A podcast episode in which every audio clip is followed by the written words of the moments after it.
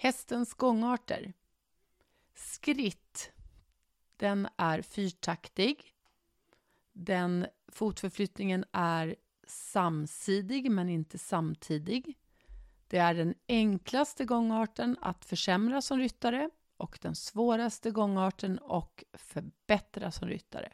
Och varför är den enklast att försämra?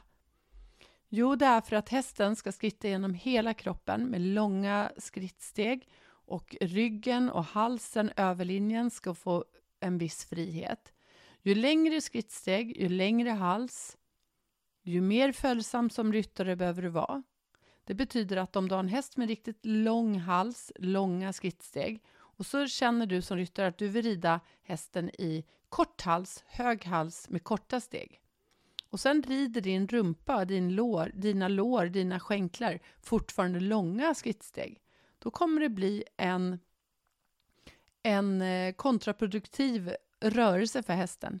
Den kommer inte förstå varför du rider långa steg med ditt säte och korta steg med dina armar. Då är det otroligt lätt att hästen utvecklar antingen passgång och den är samsidig och samtidig eller spansk skritt. Eh, då börjar den gå väldigt högt med hovarna. Och vad kan man tänka på då? Jo, att om du tänker dig att du vill samla ihop skritten, du vill rida kortare skrittsteg, du vill få hästen kortare halsen och med högre nacke. Då behöver tanke, kropp och armar göra samma sak. De behöver vara enade i tänket att nu rider vi korta skrittsteg, högre skrittsteg.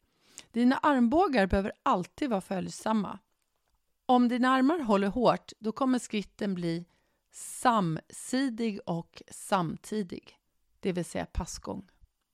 Och det är inte bra om man inte vill ha en häst som går passgång, naturligtvis. Men då finns det säkert andra tips om hur man rider den på ett snyggare sätt. Traven, den är tvåtaktig, fotförflyttningen är diagonal. Det betyder att hästens högra framben och vänstra bakben, de går ner samtidigt. Där är det viktigt att sitta ner på rätt ben. Och vad är nu rätt ben? Jo, då heter det så här att vi ska sitta ner på hästens yttre framben. Och yttre framben, när det går ner i backen, om vi till exempel går i höger varv på en ridbana, då är höger inner och vänster ytter. Det benet som är mot väggen på en ridbana är oftast det yttre frambenet. Och varför ska du sitta på ytter fram? Det är för att du ska sitta ner på inre bak. Men det är lite krångligt att böja sig bak och kolla på inre bakben. Och då är det mycket bättre att kolla på yttre fram. Det här stämmer ända fram till skänkelvikning. För om du vill göra skänkelvikning i lättridning, då behöver du byta ben att sitta på.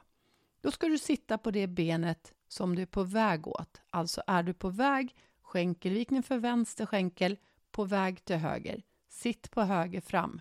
Varför då? Jo, därför då sitter du på vänster bakben och det är vänster bakben i en skänkelvikning som ska träda framför och förbi det högra. Så när du sitter ner, då är benet i backen och när du reser på dig, då går benet upp och fram och framför och förbi det andra.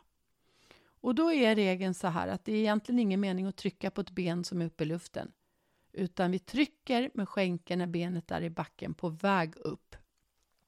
Och därför kan det vara otroligt bra att rida skänkelvikning i lättridning, för då hittar du takt och balans väldigt lätt. Och jag brukar kalla när man byter ben för dubbelstuds, att man sitter ner två steg. Och när vi ändå pratar om dubbelstuds så finns det en väldigt bra övning att träna upp sin egen balans och följsamhet och det är att rida lätt i tretakt. Till exempel upp, upp, ner, upp, upp, ner, upp, upp, ner eller ner, ner, upp, ner, ner, upp. Sitt, sitt, stå. Och varför blir det så bra när man har balansen i kroppen? Jo, för att ibland så är det lätt att vi hamnar i lite bakvikt när vi rider lätt. Att vi håller balansen i tyglarna. Och det är nästintill omöjligt att hålla balansen i tyglarna och sitta för långt bak med axlarna när vi rider lätt i tretakt. Så öva tretaktslättridning. Galopp, tretaktig rörelse. Där är fotförflyttningen takt 1, ytter bak. Så om vi galopperar höger galopp så är takt 1 vänster bak. Takt 2 är inner bak och ytter fram samtidigt. Takt 3 är det frambenet som du ofta ser galoppsprånget. Nu har jag rätt galopp. Men då har du redan gått två takter. Men inre framben går upp och går högst, träder längst fram. Därefter följer ett svävningsmoment. Så egentligen kanske man kan vara lite djup och säga att galoppen är fyrtaktig. Men galoppen är på tre takter när det gäller benen. När du fattar galopp så är det takt 1, yttersidan, ytterskänken, som förbereder. Takt 2, inner bak och ytter fram, det är din innerskänkel som du trycker till med. Gör pussljudet med. Tänker fram med högerhöften. Och takt 3, det är att du loss och följsam i höger armbåge i höger galopp och höger höft i höger galopp. Så att därför blir det lite dumt när du lutar dig framåt inåt när du ska fatta en galopp. Därför hästens bakben, höger bakben, ska ju komma in långt in under hästen.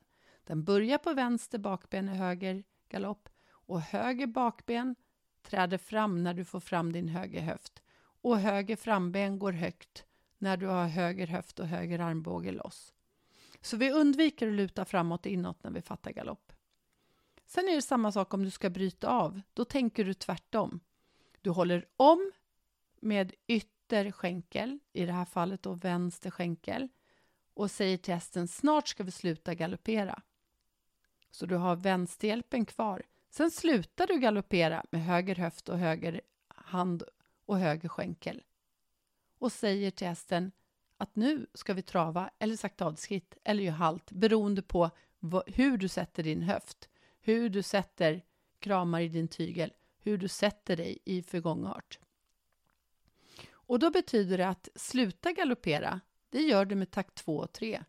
Du låter bli och säga till hästen att fortsätta helt enkelt. Och jag skulle vilja be dig ha ytterskänken intill ända till avbrottet. Intill betyder inte att den för hästen åt sidan utan den är bara där. Och det blir så mycket lättare när du sen ska göra galoppombyten om du är noggrann med de här övergångarna och har kvar ytterskänken. För att vid ett byte så är det situationstecken bara att släppa ytterskänken och ta en ny ytterskänkel. Men det kommer i ett annat avsnitt.